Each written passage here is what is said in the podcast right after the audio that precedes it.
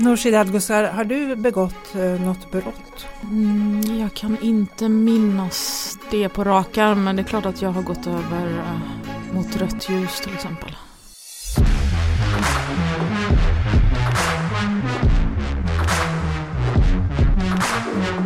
I Svenska Dagbladets Utfrågningen intervjuar Erik Nilsson och Inger Arnander partiledarna inför höstens val.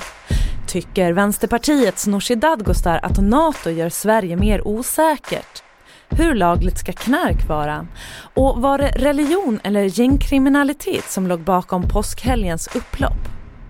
Det har ju varit våldsamma upplopp eh, den senaste veckan i flera svenska städer. Både polis och civila har skadats. Hur tycker du att polisen har hanterat de här händelserna? Det har ju varit eh, oerhört eh, fruktansvärda bilder som vi har sett från de här upploppen där människor har tänt eld på bilar och där polisen inte har haft möjlighet eller resurser att ha bevakning över dem till exempel. Så att eh, man får nu utreda den här polisinsatsen. Det är väl många själva som bedömer att eh, den hade kunnat genomföras på ett bättre sätt om det hade funnits fler poliser på plats. Om man hade kunnat hantera det på ett eh, annat sätt. Eh, det här var ju en påskhelg. Så förmodligen var det många också som var lediga under just den här veckan. Mm, utifrån de resurserna som de hade, borde de ha gjort någonting annorlunda ändå tycker du? Det är inte möjligt för mig att uh, bedöma exakt vilka steg man borde ha tagit i den här väldigt specifika insatsen. Uh, men jag kan konstatera att den i efterhand, den blev mycket våldsam. Det var en stor grupp människor som eh, skapade kravaller och upplopp på ett helt oacceptabelt eh, sätt som påverkade poliserna. Eh, på ett sätt som gjorde att de upplevde också att de var utsatta för ett hot som de in, knappt kände igen. Det är många som poliser som har sagt det. Eh, och det är en situation vi inte kan acceptera och inte ska se igen. Så vi det... måste nu utreda den här polisinsatsen för att göra bedömningar framöver. Hur kan vi göra det på ett annat sätt? Tror du att det hade funnits utrymme för polisen att gå ännu hårdare mot de här våldsverkarna? Jag kan eh, ärligt talat inte bedöma utifrån exakt vilka steg man skulle ha tagit, exakt vilka personer man skulle ha gripit ytterligare. Skulle man kunna andas, använda sig av andra metoder? Utan det här är väl ett bra tillfälle nu att gå igenom den här polisinsatsen för att göra bedömningen. Eh, hade vi eh, kunnat veta innan att vi hade behövt fler poliser? Hade vi behövt fler utryckningsfordon? Hade vi behövt mer eh, resurser? Och sen kan man ju också gå igenom eh, frågan om, om den här Eh, individen och provokatören. Hade vi kunnat till exempel, det, det är självklart att den personen ska få yttra sig och göra det, de saker som är grundlagsfästa så att säga i Sverige. Men skulle man kunna tänka sig att han skulle kunna bli hänvisad till annan plats utifrån ordningslagen till exempel. Mm. Det här våldet som ändå uppstod från de här eh, eh, våldsverkarna, kravallerna. Eh, var kommer det ifrån? Det är en fråga som behöver riktas eh, mot dem.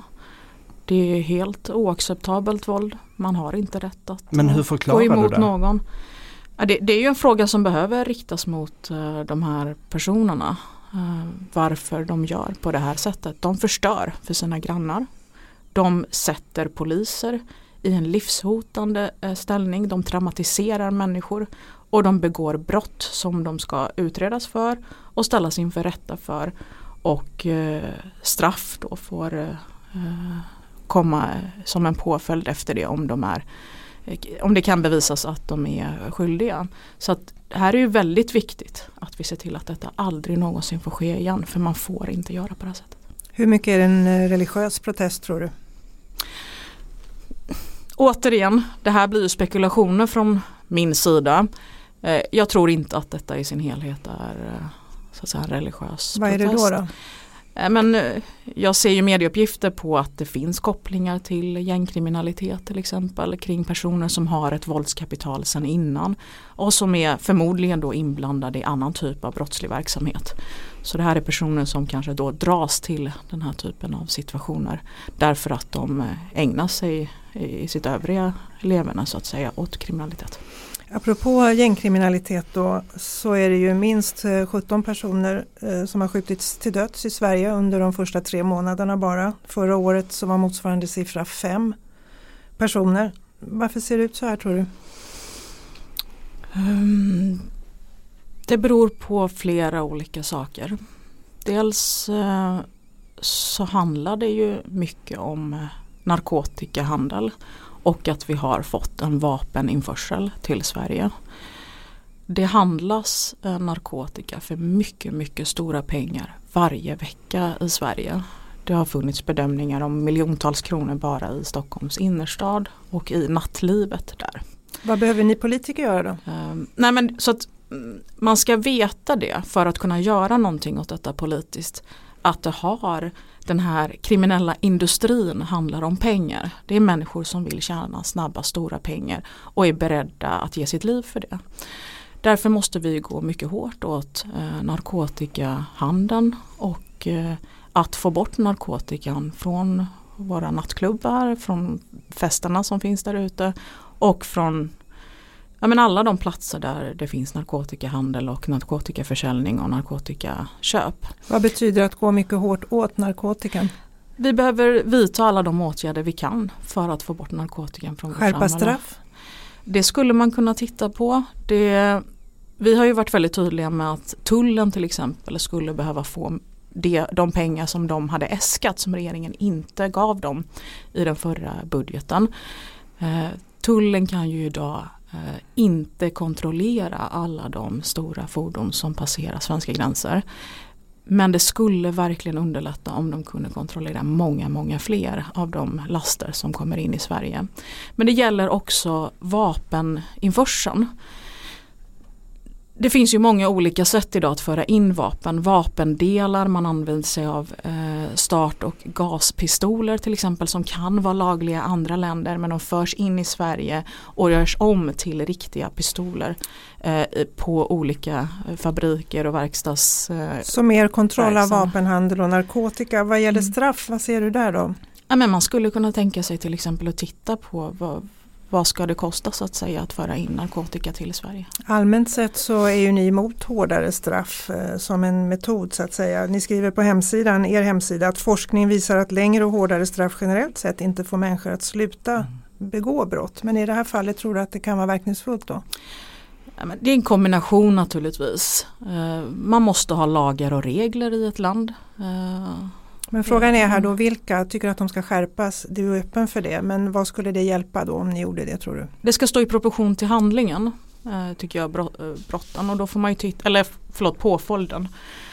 Då får man titta på eh, vilken stor kränkning är detta brott och i vårt samhälle idag vilken bedömning gör vi att det Eh, hur klandervärt är den här handlingen? Och jag menar att idag ser vi att narkotikahandeln är så inblandad i eh, den mycket grova kriminalitet som vi har. Så det är inte otänkbart att till exempel titta på strafflängden där. Men självklart, som du helt riktigt är inne på, Självklart krävs det mycket annat för att en ung människa inte ska se narkotikahandel som en utväg i sitt liv. Så måste samhället också erbjuda jobb, bostad, andra fritidsaktiviteter men, och så vidare. Men när det kommer till narkotikan, kan du ge ett exempel på ett land som lyckats där att eh, gå hårdare mot narkotikan och faktiskt lyckats med det? Ja, i Sverige har ju vi haft en eh, politik som handlar om att färre antal personer ska prova narkotika. Alltså om det är ett litet antal personer, precis som vi har till exempel med alkoholen där vi tycker att vi ska ha ett systembolag och vi ska ha åldersgränser. Därför att färre personer ska testa denna drog för det innebär i förlängningen att många fler använder den. Det är eh, också framåt eh, i våran uppfattning. En, Sverige, en, riktig princip så att säga. Sverige är men, det lyckade exemplet. Nej, men, nej det skulle jag inte säga därför att efter att vi har gått med i EU så är det mycket svårare att kontrollera eh, våra gränser och utöver det anledningen till att det är så svårt att eh, så att säga bedöma det det är för att vi under de senaste decennierna har ju fått en explosion av många fler typer av narkotika än vad vi hade på say, 60 och 70-talet. Då var det väldigt begränsat. Idag har vi ämnen och substanser eh, som all, liksom inte funnits förut. Det är därför det, det är svårt att säga så att säga ja men så var det inte förr i tiden. Utan vi lever i en ny verklighet, alla länder brottas med detta, så är det. Och det gäller ju kriminalitet också. Finns det något land i världen så att säga som har fått bort kriminaliteten helt och hållet så är det inte. Så det finns Utan, inget lyckat exempel, inget lyckat land här som jag har svårt att liksom peka på, jag tror att alla länder har ju sina modeller. Man ser i Portugal till exempel. Mm. Där man har en annan typ av narkotikapolitik men å andra sidan har man en mycket mer ingripande socialtjänst. Eh, det finns många andra länder där man har legaliserat i delar av till exempel USA om jag nu inte minns fel. Men där vi vet att det kan slå fel så att säga. Och det har i, i många länder kan det ha också med läkemedelsbranschen och hur liksom, sjukvården är organiserad att göra. Men, så att jämföra olika länder, det är det jag menar. Eh, eh, jag tror du kommer ha svårt att i något läge peka ut ett, ett drömland för egentligen något politiskt område. Mm, men det finns alltså inget land som du ser som har lyckats eh, gå hårt mot narkotikan eh, och eh, få ner gängbrottsligheten till exempel? Alltså i, vi tycker ju både när det gäller den restriktiva alkoholpolitiken så ska vi ha en restriktiv narkotikapolitik. Därför att det är så vi ser att vi lyckas se till att så få människor som möjligt på det stora hela provar på detta. Sen, men ert förslag är ju att man ska nej, men, minska, minska ja. handeln med narkotika genom olika restriktioner. Och det nej, ska leda... det är inte bara, nej men Inga, det är inte bara det. Utan självklart handlar narkotika eh, intag också om sociala problem. Personer som mår dåligt, som inte ser en framtid framför sig kommer också att konsumera narkotika och då är det ett socialt eh, problem som också kan utvecklas till ett medicinskt problem. Och då är det mycket, mycket allvarligt på det sätt som vi ser att missbruksvården inte får eh, tillräckliga resurser. Så självklart är detta en kombination. Vi måste vara väldigt tydliga i Sverige med att narkotika är inte acceptabelt på offentliga eller privata platser. Men i kombination med att den som eh, råkar ut för ett eh, beroende också får all det stöd och den hjälp den behöver. Och för att åstadkomma det du beskriver nu så vill ju ni då avkriminalisera att använda narkotika för eget bruk. Det är ju en förklaring till varför ni tycker det att missbrukare bättre ska våga söka hjälp till exempel då. Men på vilket sätt eh, skulle en sån här avkriminalisering påverka efterfrågan av narkotika tror du? Det är ju för att den som blir påträffad med narkotika i blodet den ska omedelbart få hjälp. Eh, men det sa du, men hur påverkar det efterfrågan? Jo, jo, men jag menar det är anledningen till att avkriminalisera det är för att den inte ska så att säga, bli förd till ett häkte i första hand utan bli förd till en vårdinrättning eller ja, i första hand naturligtvis och sen få sociala insatser efter det. Har man eh, då narkotika på fickan eller eh, i större mängder då bör eh, samhället tydligt visa att det inte är acceptabelt därför att narkotikan i vårt samhälle skapar så oerhört stora sociala problem och stora familjära tragedier. Men frågan här är ju Nej, syftet, hur det påverkar efterfrågan. Jag skulle säga att syftet med det är det. Syftet är inte att påverka något annat. Så, så att om en, eh, en person med ett tungt missbruk eh, ändå åker fast och har lite narkotika på sig, då ska den personen ändå straffas? Ja det, det, finns ju, ofta är det ju ett eh, beroende på hur mycket det är då blir det ett bötesbrott så är det. På vilket sätt påverkar detta efterfrågan? Ja självklart får du ut en person ur sitt missbruk så har du ju åstadkommit oerhört mycket för att minska efterfrågan. Det är det som är i slutändan är syftet med detta. Att få ur människor att de ska komma ut ur sitt eget missbruk. Bara i Stockholms innerstad så köps det narkotika för 30 miljoner i veckan. Man måste ju strypa den pengatillförseln. De måste ju sluta så att säga dra liner på Stureplan helt enkelt. Kommer det avskräcka folk på Stureplan som du har pratat om att eh, bruka narkotika om det inte längre är straffbart? Vi vet att restriktivitet både i alkohol och i narkotika leder till att tröskeln för att pröva det i alla, säga, bland alla människor är högre. Alltså vet du om att detta är olagligt så gör du det i mindre utsträckning. Men eh, samtidigt, ni, eh, ni vill ju avkriminalisera narkotika, eget bruk av narkotika, men ni vill inte gå så långt som att legalisera, göra handeln eh, laglig. Det vill ju andra. De menar att detta skulle kunna strypa finansieringen till gängen. Va, varför vill ni inte gå så långt? Nej, absolut inte. Narkotika skapar mycket stora problem för människor och familjer. Det, Men, det leder till i slutändan att uh, ja, släktingar, barn till missbrukare far illa. Alltså du, du, har ett stort samhällsproblem förknippat med denna narkotika som gör att eh, människor inte så att säga kan upprätthålla ett arbete, kan inte ta hand om sina barn, inte fungerar i sitt familjeliv. Men är det eh, inte det bättre att köpa narkotika av Systembolaget istället för av ett kriminellt gäng? Man ska inte köpa narkotika. Ja, men folk, Överhuvudtaget. Men folk gör ju det. Ja men det tycker inte vi är är bra. Men det gäller ju att se till realiteterna eller? Eh, realiteten är man ska inte eh, vara kriminell och begå brottsliga handlingar för att det skadar en själv och andra människor. Eh, och detsamma, och det betyder inte att vi för den skull ska legalisera alla, all kriminalitet, eller hur? Och vi ska inte heller eh, legalisera narkotika för att det också skadar dig själv och människor. Vi byter ämne, Nooshi Dadgostar. Det är inte ofta jag så att säga, håller med Carl Bildt, men i den här frågan jag gör det. Det finns vänster och höger, men svenskt försvar, det är alla vi svenskar tillsammans som ska avgöra det. Är det dåligt att NATO finns? NATO är ju en militär kartell som de länder som vill förstås får söka sig till. Eh, men för Sveriges del är det inte en militär kartell som kommer trygga svenska folkets säkerhet. Vi har ju genom att inte då vara med och tvångsmässigt bli ansluten till olika krig i världen kunnat hålla svenska folket undan eh, krig under mycket, mycket lång tid. Kanske det land i världen som har varit eh, fredligt längst.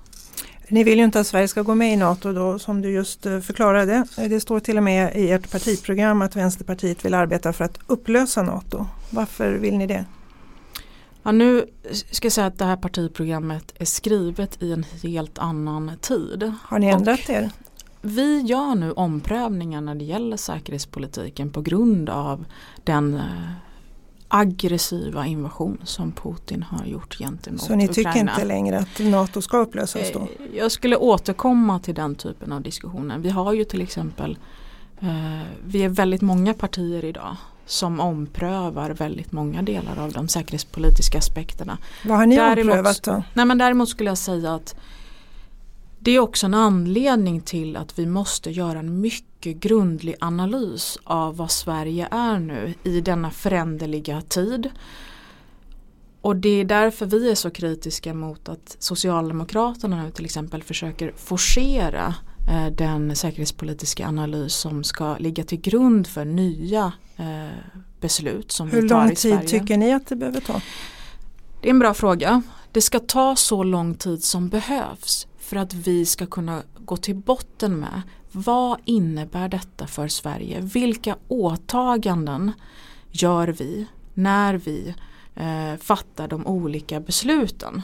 I, I det läge vi vill till exempel ja, men ha andra typer av samarbeten med andra partier kring vår säkerhetspolitik. Vad betyder det för Sverige? Kommer vi som land som inte har varit i krig på över 200 år behöva befatta oss med fler krig? Kommer killar och tjejer som växer upp i Sverige kunna leva hela sina liv i Sverige eller kommer de att avslutas oftare än vad det har varit eh, hittills för att de blir utskickade i krig som är vanligt i många andra länder. Det finns ju en tidtabell kan man säga här i den meningen att många anser att om Finland eh, söker medlemskap som ju Finland ser ut att göra så ställer det andra krav på Sverige eller det påverkar i alla fall Sveriges beslut. I vilken grad gör det det tycker du?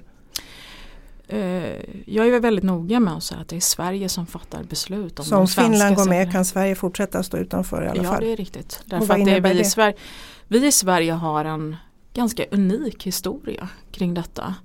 Vi är väldigt starka eh, i den mm, globala debatten om att nedrusta kärn, eh, kärnvapen till exempel. Och det kommer vara svårt att bedriva den kampen fortsatt om man eh, befinner sig under ett kärnvapenparaply. Och vi har kunnat hålla undan våra tjejer och killar ifrån krig under mycket, mycket lång tid.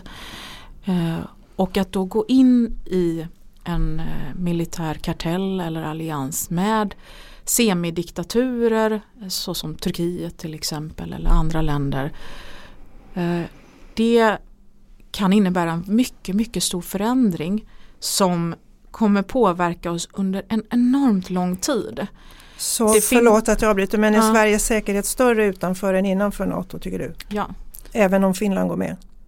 Ja, ja Finland har helt, en helt annan bakgrund och historia och, spelar, och säkerhetspolitisk Det spelar ingen roll för Sverige i det här skedet? Allting kommer spela roll i den här analysen. Jag är övertygad om att väldigt mycket kommer att behöva vägas in i en sån här analys. Däremot är det oerhört viktigt att Sverige ser till sin egen, det är inte säkerhetspolitiskt motiverat att så att säga låta ett annat parlament i ett annat land fatta våra beslut. Skulle det krävas en, en svensk folkomröstning om det här? Det har inte vi tagit ställning till. Men det här är ett så enormt stort beslut att ge ifrån oss makten att bestämma över vår egen utrikes så för, för just om, om en folkomröstning är eh, försvarspolitiska talesperson Hanna Gunnarsson har skrivit på Twitter att det skulle krävas, hon skrev det i januari. Um, skulle, det kunna, skulle inte det vara en bra idé? Mm. Ja, men det, det, är klart, mycket har ju ändrats sen invasionen så då behöver man ju ta de här diskussionerna igen. Men vi har som sagt inte tagit ställning men det är inte uh, Jag förstår att frågan kommer upp därför att det är en lika stor fråga som EU till exempel eller EMU. Mm. Att Sverige uh, som ett så starkt självständigt militärt land där vi har hela tiden själva kunnat besluta ska vi skicka ut våra tjejer och killar till olika konflikter kommer vi att befattas med olika konflikter ute i världen kommer hotbilden mot Sverige att öka när vi befattas med så många konflikter ute i världen, ja eller nej. Du, eh, det, det, är så stort och viktigt beslut menar ja, jag att, att det är inte innan, otänkbart eh, eller orealistiskt det du säger. Eh, du sa innan att eh, Socialdemokraterna eh, påskyndar den här processen eller forcerar processen. På vilket sätt menar du att de gör det?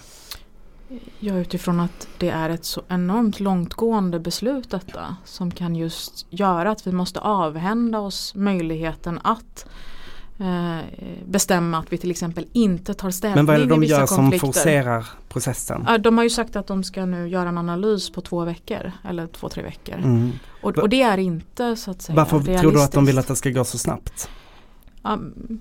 min um, utgångspunkt är att det här är i alla fall inte säkerhetspolitiskt motiverat att forcera detta beslut.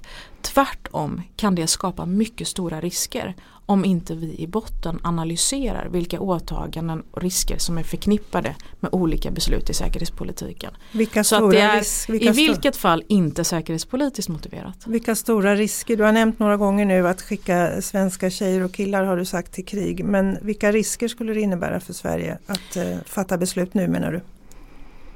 Ja, vi, vi har inte i botten analyserat vilka åtaganden Men det innebär. Men du ser någon risk i alla fall? Ja, ja det är ökar. ju förstås mycket stora risker.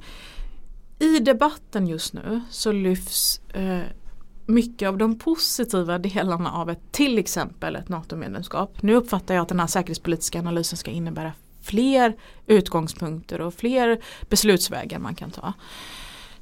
Eh, för mig men många andra, för Sverige och svenska folket är det också viktigt att just ta upp alla de risker som är förknippade med att Sverige dras in i olika konflikter och vilken hotbild det kan i sin tur rikta mot oss som land. Och vad det innebär och vilket avsteg kan det göra ifrån det som vi är vana vid, nämligen att vi själva fattar dessa beslut.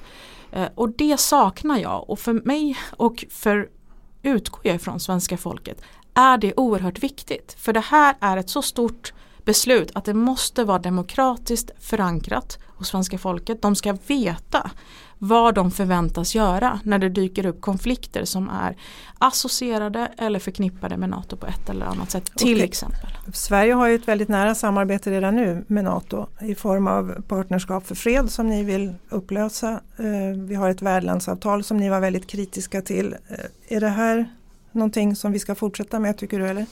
Nej men även där har inte vi sett att det har eh, minskat spänningarna i vårt närområde. Ska det upphöra tycker du? Ja, vi har inte sett att det finns positiva delar i, i den samverkan. Så. Det kan vi också förstås titta på men eh, motivet bakom det är att dels att vi inte kan veta om det finns kärnvapen i samband med dessa övningar och att de befinner sig väldigt nära Sverige då.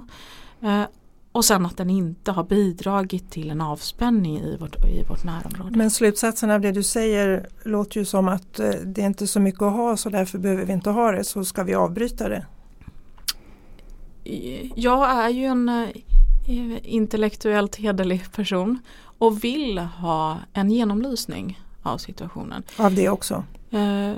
Nej men alltså av det nya säkerhetspolitiska läget. Jag kan ju till exempel också notera att eh, både Joe Biden idag och Storbritannien säger att Sverige är okränkbart territorium därför att de har egna säkerhetspolitiska intressen av att inte tolerera en aggression mot Sverige. Även det behöver ju analyseras eh, i botten. Har vi så att säga ett skydd? Vi har ju också flera NATO-länder kring oss. Det är inte många bedömare som tror att de länderna så att säga skulle tolerera ett, ett anfall, eh, anfall på ett eller annat sätt mot Sverige. Men om det här samarbetet avbröts då som ni tycker är meningslöst eller inte har tillfört någonting eller kanske till och med varit skadligt för Sverige. Om det mm. avbryts, kommer det här som du nu beskrev fortfarande gälla då tror du?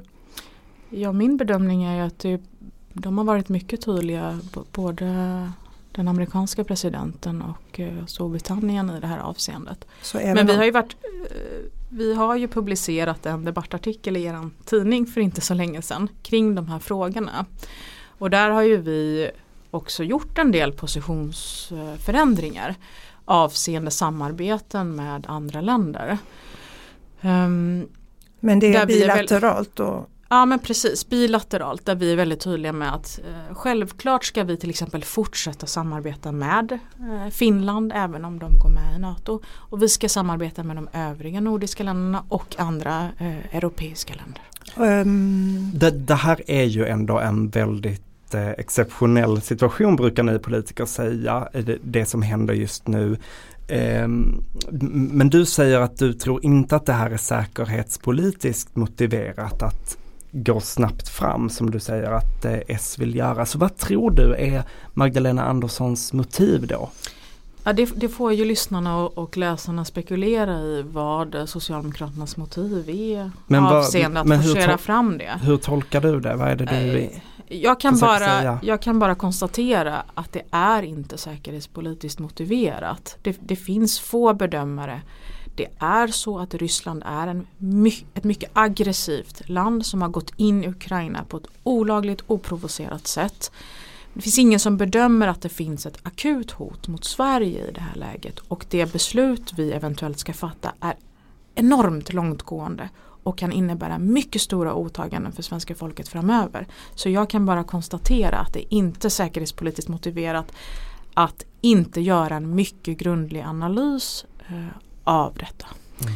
Du, Vänsterpartiet sa ju först nej till att skicka vapen till Ukraina. Det var ett beslut som partistyrelsen fattade. Men hälften av din riksdagsgrupp de uteblev från omröstningen eh, eller gick emot partistyrelsen. Vad säger det här om ordningen i ert parti? Det säger väl att det här var första gången som Sverige gjorde något sånt här sedan 30-talet. Så det är klart att det här också är en nyordning.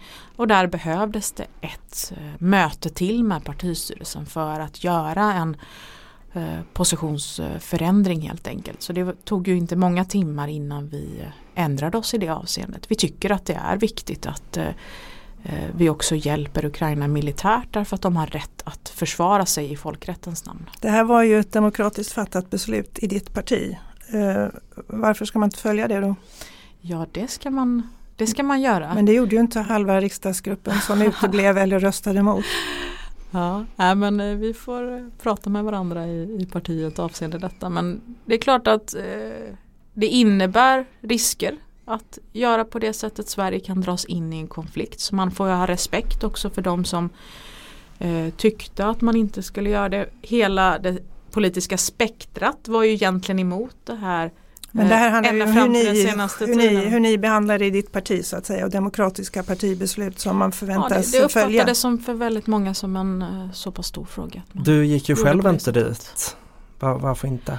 Det är väldigt vanligt att partiledare uh, Även om jag tror att många kan studsa lite på men det. Du är ju där ibland så varför gick du inte dit just den här Ja gången? nej men att man har andra ärenden och i det här fallet behövdes jag i de interna processerna i partiet för att uh, ordna detta. Det var ju så att vi det, uh, Jag har ju varit ärlig med att jag uh, tyckte att vi behövde fatta beslutet om att stödja Ukraina militärt därför att de har rätt att försvara sig. Vi hade också velat ha den hjälpen om vi hade blivit utsatta för den aggressionen eh, och därför behövdes jag i det interna arbetet. Extremt dålig process och dåligt ledarskap sa försvarspolitiska talespersonen Hanna Gunnarsson om, om detta.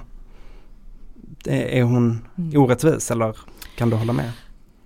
Jag ska ju vara ärlig och säga att jag, jag tyckte ju sedan innan eh, det här beslutet att vi skulle att vi behövde ett till möte för att fatta ett annat beslut. Alltså att uh, hjälpa Ukraina militärt. Mm. Men ni, ni hade ju klart, ändå beslutat i partistyrelsen att Det är riktigt det, det här... men det fanns mycket känslor kring detta.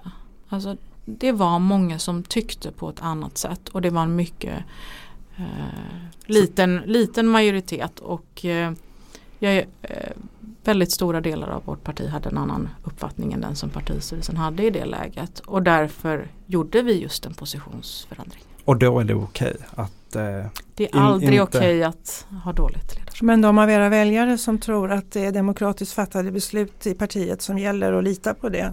Då kan det vara så att även om det är ett majoritetsbeslut men om det är en liten majoritet då kan det hända att man Men det är inte sig. på det sättet. Självklart behöver man reda ut de här eh, sakerna, att vilket majoritetsbeslut som gäller. Själva frågan var väldigt speciell. Alltså, vi har inte gjort det här sedan 30-talet. Däremot var det en oprovocerad, olaglig, brutal invasion av en högernationalistisk rysk ledare. Och därmed behövde vi se till att hjälpa till militärt. Och det tyckte jag var oerhört viktigt att vi gjorde den positionsförändringen eh, dagen efter. Tack så mycket Nooshi Dadgostar. Tack.